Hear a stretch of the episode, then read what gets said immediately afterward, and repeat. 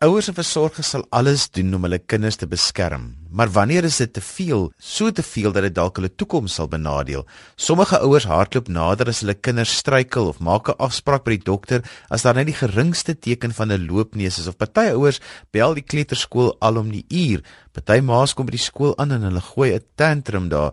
Hoe weet jy as jy jou kind oppiep of nie? Nou ons gee vandag raad vir paranoïese ma's, versorgers, oumas en oupas wat hulle kinders letterlik oppiep. Om hieroor te gesels, het ek vir Dr. Daniel Vol, sy's 'n kliniese sielkundige van Vereniging en Jolien Hanke wat saam met aan die praktyk is wat ook 'n opvoedkundige sielkundige is. Daniel, vertel gou vir ons waar kom julle vandaan? Johan, ons is in Vereniging in die Vol Driehoek. En uh, ons het 'n privaat praktyk waar ons albei by betrokke is waar ons baie met kinders en met ouers werk ook. En dan is ek ook by 'n skool betrokke in Meyerton wat vir kinders met leergestremdhede um, 'n um, diens lewer. So Jolien, werk julle baie keer ook saam? Ja, Johan, ons lewer waardevolle insette. Ehm um, ons bied ook kursusse aan vir ouers rondom dissipline en ouerskapstyle en wanneer ons dan so 'n dissipline kursus aanbied of 'n kursus rondom die ouerskapstyle, dan werk ek en Daniel baie lekker saam. Kom spring in en ons praat sommer die eerste vraag en julle kan dit so om die beurt antwoord as dit vir julle en sommer net lekker saamgesels asof ek daar by julle in die praktyk kuier. Die wêreld waarin ons ons kinders grootmaak is heeltemal anders as jare gelede. Ons wêreld is gevaarlike mense lees elke dag in die nuus van kinders wat wegraak, kinders seer kry. So dit maak dit moeilik. Hoe is die impak daarvan op die ouers? Ek dink Johan, um, as jy dink aan toe ons kinders was het ons ouers ons toegelaat om met ons fietsse in die straat te ry en ons kon buite voor op die erf bal speel. Jy kon selfs 'n redelike ver end alleen kafee toe loop. Maar in ons huidige samelewing is daar soveel misdaad wat plaasvind dat dit eintlik 'n realistiese vrees is wat ouers het om te kan sê ek wil nie meer toelaat dat my kind voor in die jy weet in ons erf speel of alleen kafee toe gaan nie. En dit maak dat ons dan meer beskermend raak oor hulle. Vir my is dit nogal belangrik om te onderskei tussen beskerming en oorbeskerming, Jolien. Om te beskerm, Johan, gaan vir my daaroor om ons kinders te leer hoe om veilig te wees. Om vir hulle te leer hoe om wys op te tree. Wanneer hulle byvoorbeeld jonk is, leer hulle by ons dat hulle nie op 'n boekrak moet klim nie of dat hulle nie alleen in die straat moet loop nie of dat hulle nie met 'n mes moet speel nie. Soos wat hulle ouer word, leer ons hulle om nie met vreemdelinge te praat nie of hoe om 'n fiets of motor te bestuur. Ons laat ook toe dat ons kind nuwe ervarings kan beleef en ondersoek en dat hulle dit binne 'n raamwerk van ouderdomsverwante grense kan doen. Oorbeskerming aan die ander kant is wanneer 'n ouer 'n kind se lewe beheer in 'n poging om die kind te beskerm teen enige vorm van ongemak, teleurstelling of mislukkings. So kry ons byvoorbeeld die ouer wat die universiteit sal bel en vra dat klastye rondom die jong volwassene gewysig moet word of wat 'n jong volwassene se werkgewer sal bel en vra vir 'n verhoogde salaris of beter werksure. Wanneer 'n ouer oorbeskerm, word die kind nie toegelaat om eie keuses te maak nie. Alle beheer word by die kind weggeneem en die ouer word die probleemoplosser wat die kind vry word van enige gevolge wat die kind se aksies mag hê. So oorbeskerming ontneem die kind van waardevolle leerprosesse in die lewe. Daniel, hoe lyk wat as waaraan ken jy ons 'n oorbeskermende ouer dan uit wat hulle kinders so oppiep? Ek dink Johan, 'n oorbeskermende ouer is 'n ouer wat begin verantwoordelikheid neem vir dinge wat eintlik 'n kind se verantwoordelikheid is. Um een wat 'n mens baie maklik raak sien is wanneer 'n kind byvoorbeeld aanhou speel in die middag en nie by die huiswerktake uitkom nie en dan vanaand wanneer dit slaapenstyd is dan sal hy nou begin praat oor 'n taak wat onvoltooid is. En 'n oorbeskermde ouer sal dan daar wil begin red en die taak vir die kind doen of selfs die volgende dag die onderwyser wil bel en 'n verskoning wil gee vir hoekom die taak nie gedoen is nie. En wat eintlik moet gebeur is dat hierdie kind moet leer dat wanneer ek kies om nie huiswerk te doen nie, dan kies ek ook om die gevolge daarvan te dra. En enige van my keuses het positiewe of negatiewe gevolge. En wanneer ek byvoorbeeld dan gekies het om nie huiswerk te doen nie, dan kies ek ook om hierdie kole uit die vuur te krap die volgende dag by die onderwyser. Dis baie belangrik dat kinders toegelaat word om dan self daardie probleme wat hulle geskep het op te los. Anders leer hulle nie baie belangrike um, hanteringsvaardighede aan wat hulle gaan nodig kry later as hulle volwassenes is nie. Janel, wat moet ek dan maak as ek nou skielik agterkom ek is dalk een van hierdie ouers wat my kinders oppiep?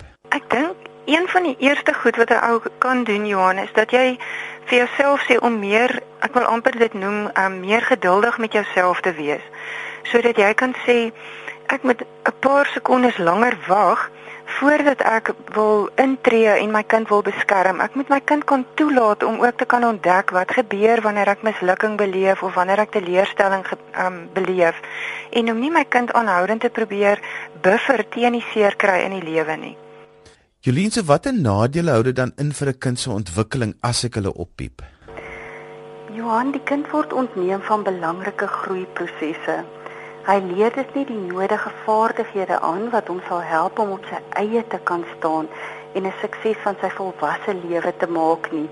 Die kind leer nie dat daar gevolge vir aksies is nie. Hy word sy hele lewe beskerm van gevolge. As hy byvoorbeeld 'n taak laat inhandig op skool, dan gaan sy ma met die onderwyseres praat. So wat gebeur dan as jong volwassene in die werkslewe? Handig hy miskien ook take laat in en dan kan hy moontlik sy werk verloor. So 'n kind sukkel om verantwoordelikheid te neem en hy blameer ander vir foute. Die kind se selfvertroue is laag want hy kry heeltyd hierdie onderliggende boodskap dat daar iets fout is met hom en dat hy nie die vermoë het om take self te doen nie. Want as ma dink ek kan nie iets doen nie, dan moet sy sal tog reg wees, dan is dit so en so kry hierdie kinders se selfvertroue 'n knou. Ek dink as ek daarbey kan aansluit ook Johan, ehm um, dit veroorsaak baie keer ambivalente gevoelens by hierdie kinders want soos wat kinders se ontwikkeling toeneem, besef hierdie kind ook dat hy sekere vermoëns begin ontwikkel wat hy voorheen nie gehad het nie. En inherënt weet hy dat hy gereed is om sekere dinge in die lewe self te kan doen. Soos as dit byvoorbeeld 'n tiener is wat sê maar ek het nou 'n behoefte om ook 'n kelner in 'n um, restaurant te kan wees en so my eie geldjie te verdien. En as die ouer dan negatiewe terugvoer gee soos wat Jolien nou gesê het, dan veroorsaak dit ambivalente gevoelens by die kind want dan dink hy ek glo ek kan dit doen maar as ma dink ek kan dit nie doen nie. Um wat moet ek dan doen? En dan wat dan gebeur is dat die kinders dan onttrek en dat hulle hulle waagmoed baie verloor en prys gee in hierdie proses. En ehm um, wat ek ook nogal opgetel het ehm um, as die beheer so heeltemal weggeneem word by 'n kind en al sy besluite word vir hom gemaak, dan veral in adolessensie dan kry ons 'n soeke na daardie beheer. En die kind probeer op maniere soos byvoorbeeld anoreksie by dogters dat hulle sal probeer om daardie beheer dan net terug te kry in hulle lewe. Want ma of pa kan alles van my beheer maar hulle kan nie beheer uitoefen oor die hoeveelheid wat ek eet nie. Ehm um, ons kry ook byvoorbeeld ehm um, dat hierdie kinders begin rebelleer in adolessensie, 'n passiewe aggressie wat daar ontwikkel uh wat hulle vir jou probeer sê ek soek meer beheer in my lewe. Uh hulle sal byvoorbeeld begin rook, negatiewe gedrag soos die passiewe aggressie daar. Hierdie onopgeloste woede wat hulle dan het omdat hulle beheer by hulle weggevat is, sit later om in depressie. Wanneer daai kind so magteloos voel, omdat hy nooit toegelaat is om enige besluite self te neem nie. Ja, en ek dink wanneer mense met selfs met onderwysers praat ook, dan hoor jy baie keer dat onderwysers vir jou sal sê dat hierdie kind vra vir my, moenie vir my maale sê wanneer ek sukkel in die klas of wanneer ek 'n 'n probleem ervaar of dalk swak gedoen het in 'n toets nie want hulle beleef vernedering wanneer die ouers, jy weet, dan byvoorbeeld na die skool toe kom en praat oor swak punte of met die onderwyser in 'n konflikscenario beland. En soos Jeline ook dan gesê het, jy weet as 'n mens praat met hierdie kinders wat deur hierdie prosesse gaan, dan sê die kinders vir jou ek begin jok later vir my maale omdat dit die enigste manier is hoe ek hulle bietjie van my af kan wegkry. Daniel, maar baie keer as jy met so ouer praat, dan sê maar hulle wil maar net die beste vir hulle kinders hê en hulle sê dit so op 'n manipulerende manier. Ja, dit is so Johan. Um, as ek met baie van hierdie ouers praat ook, dan sê hulle vir my baie keer, weet jy, dit is my plig as ouer om uit te kyk vir my kind en Ehm um, party van hulle verwoord dit ook as dit is my reg om na my kind om te sien en ek het 'n verantwoordelikheid om my kind te beskerm en dit is waar. Dit is absoluut waar. Ek dink ehm um, waarna elke ouer net moet kyk is om te sê jou kind is die kosbaarste beskik besitting wat jy het in in jou hele lewe. En in ons samelewing moet jy jou kind beskerm en hom help om by die beste geleenthede moontlik uit te kom, maar jy moet dit nie doen ten koste van sy groei geleenthede nie.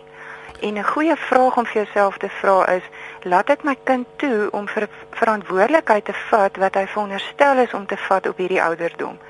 Byvoorbeeld om jy weet as dit oudjies is wat kleuterskool toe gaan, dat mamma hom nie elke keer uit die motor uittel en na die klas toe dra nie, maar dat jy 'n geleentheid daarvan skep en sê, um Sjoe, kan jy alself uit hierdie uit hierdie motorstoeltjie uitklim? Weet jy self om hom los te maak en dan staan jy 'n paar sekondes terug en kyk of die kind dit self doen.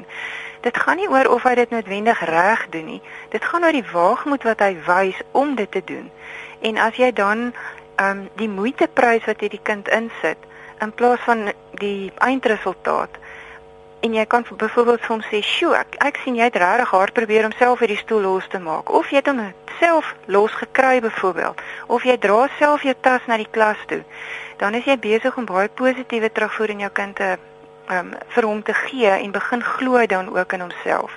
Nou ek weet een van die dinge wat wat ehm um, oppiep ouers of helikopter ouers graag gebruik is tyd om te sê man ons is haastig ons is haastig en dan doen hulle alles vir die kind dit gebeur ook en ek dink dis 'n belangrike punt wat jy daar aanraak Johan. Ons gee baie keer vir ouers raad en sê weet jy staan eerder daai 15 minute of 'n halfuur vroeër op in die oggend. Want ehm um, boonbehalwe dat die dat die, die ouers dan goed vir die kinders begin doen omdat dit ons net vinniger by die skool en by die werk uitkry. Die gejaagdheid in die huis word ook 'n bron van angs vir hierdie kinders en hulle raak senuweeagtig omdat hulle gejaag raak en dan met sy kind dan met die kind sy dag by die skool so begin. Jolien, kom ons praat 'n bietjie oor wat beteken onafhanklikheid vir kinders in 'n moderne konteks. Johan, eh, dit beteken vir my dat jy jou kind vry gaan grootmaak maar binne grense. Om my kind 'n verantwoordelikheidsin te leer van kleins af sodat hy met wysheid besluite kan maak om sy veiligheid te verseker om te praat oor gevare en ook oor keuses en gevolge. Ek dink as ek as ek daar kan um aansluit ook by wat Jolien nou gesê het is dat 'n mens moet um nie altyd namens jou kind ook kommunikeer nie. Weet as as hy um graag met 'n onderwyser moet praat oor punte wat swak is, laat jy die kind toelaat om self daardie uh, inligting te gaan deurgee met 'n onderwyser en dat jy dit nie vir hom doen nie en dat jy hom ook toelaat om net aan ouderdomsgepaste take vir homself te kan doen soos byvoorbeeld dat hy self begin aantrek in die oggend voor skool of self eet. Um, baie ouers voer nog kinders wat wat self in graad 1 is en dan sal die ouers sê jy weet ek wil um graag my die die kind vinniger by die skool kry en daarom voer ek hom en hy eet nie self nie. Geef ons so 'n lysie van goeders waaraan ouers hulle skuldig maak en wat hulle eintlik nie op die naam genoem wil hê nie. Weet jy Johan, gewoonlik sal ouers 'n goeie verskoning hê vir van hierdie goeders wat hulle doen. O, ons kan gaan kyk, dit dit is normaal om 'n 3-jarige se bed vir hom op te maak, maar as ons kom by 'n 13-jarige en die ma maak nog steeds die 13-jarige se bed op, dan weet ons dit is nou nie meer ouderdomsverwant hierdie nie.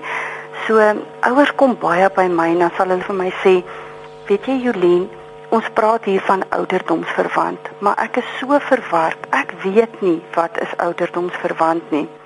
En ek moet vir jou sê Johan, ek het gegaan en ek het dit gaan opsoek. Ek was na internet toe gewees en jy kry regtig daar 'n goeie riglyn van ouderdomsverwante take wat vir jou sal sê 2 tot 3 jaar behoort 'n kind hierdie selfde kan doen.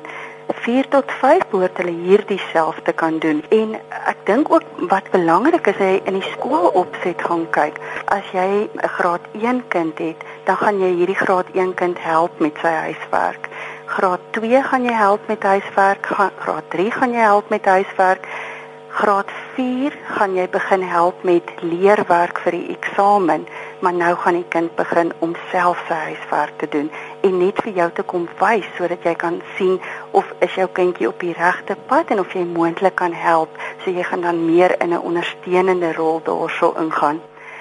Ehm um, as ons gaan kyk byvoorbeeld na ons 2 tot 3 jariges, hulle kan al begin om hulle kamers vir ons te help opruim.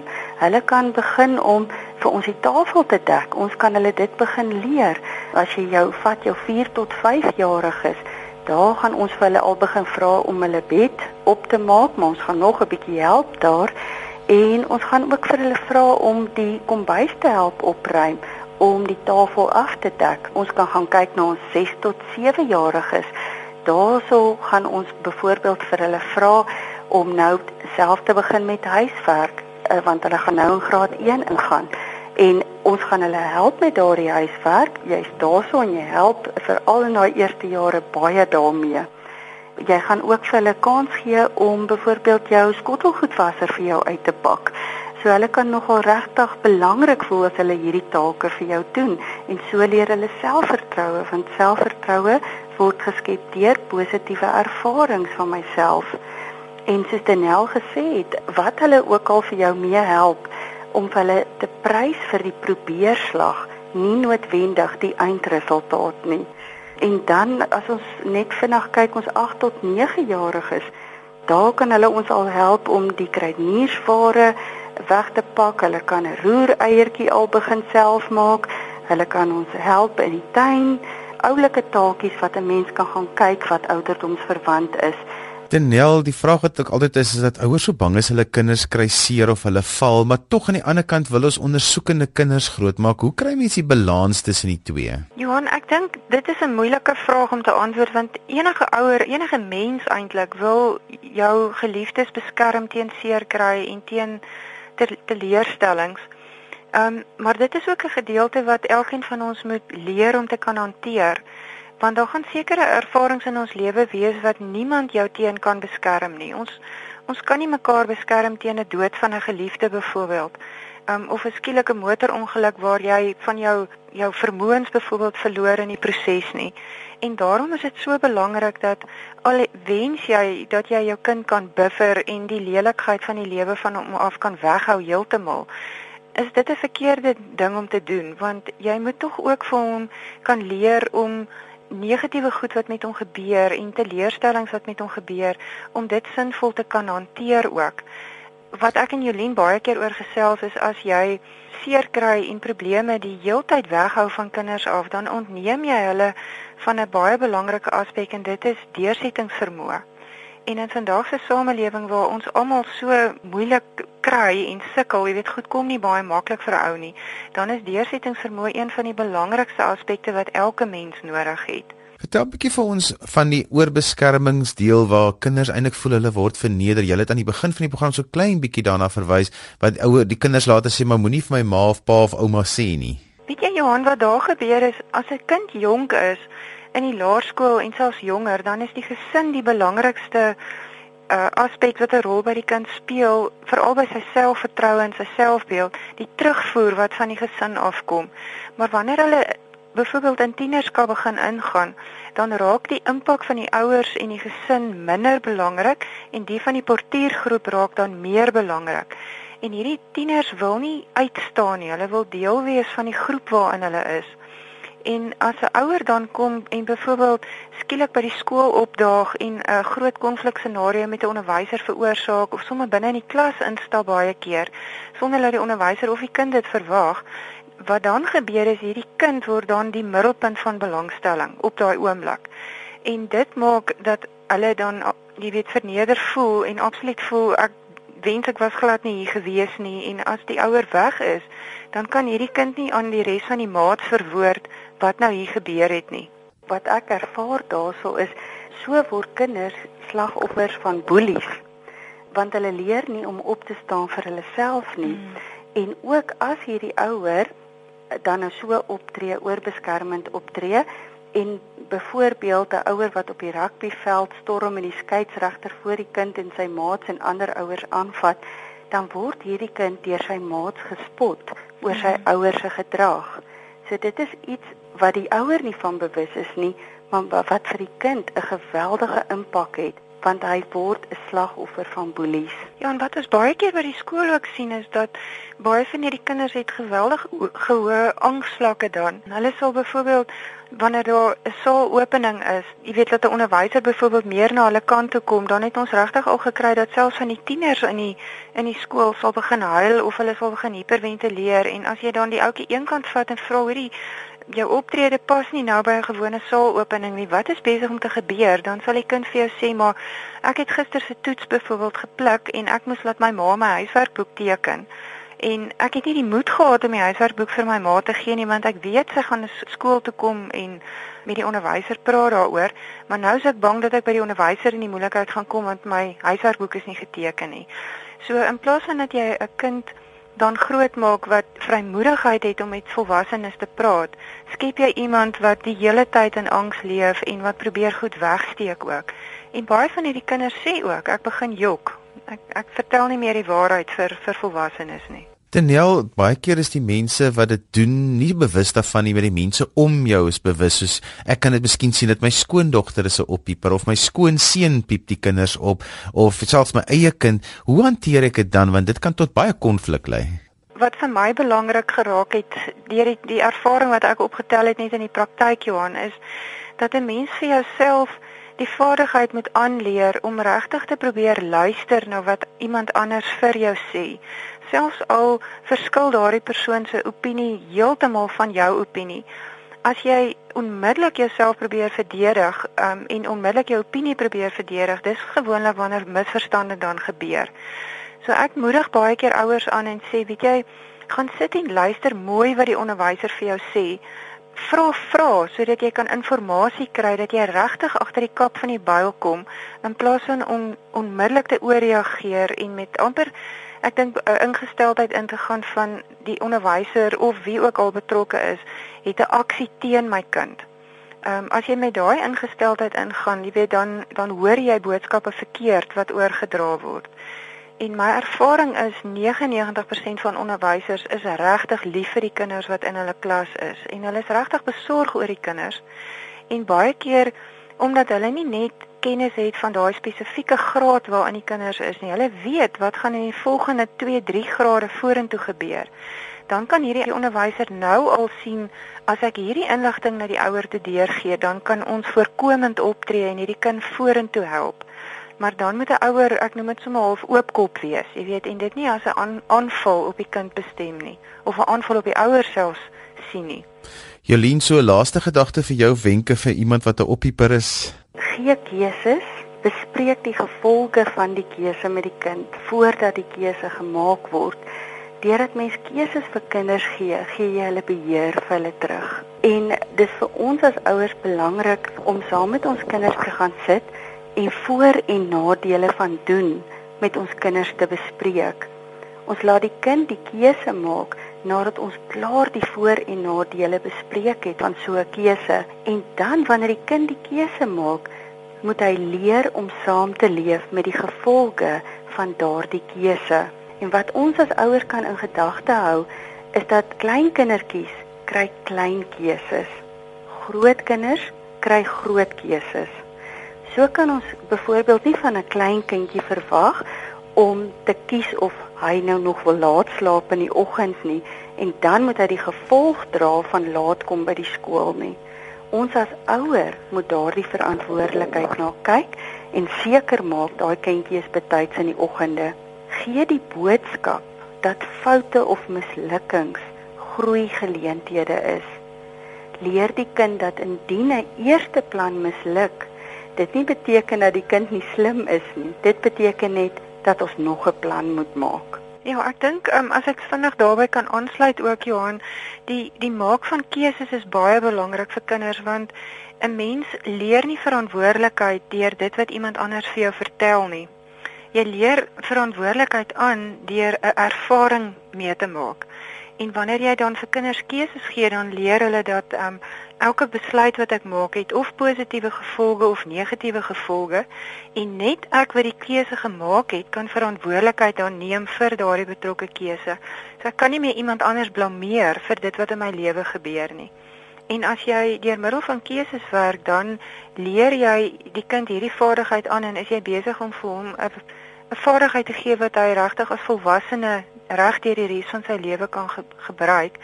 En ek dink as ons kyk na die samelewing, as ons almal net op hierdie een aspek fokus, dan kan ons dalk die samelewing vorentoe baie beter verander vir ons vir ons almal. Dis dan alwaar vir ons tyd vir vandag. My gaste was Dr. Danel Vol en Jolien Hanke. Hulle is albei van vereniging en ek sal op Groepyne se Facebook bladsy hulle kontak besonderhede neersit.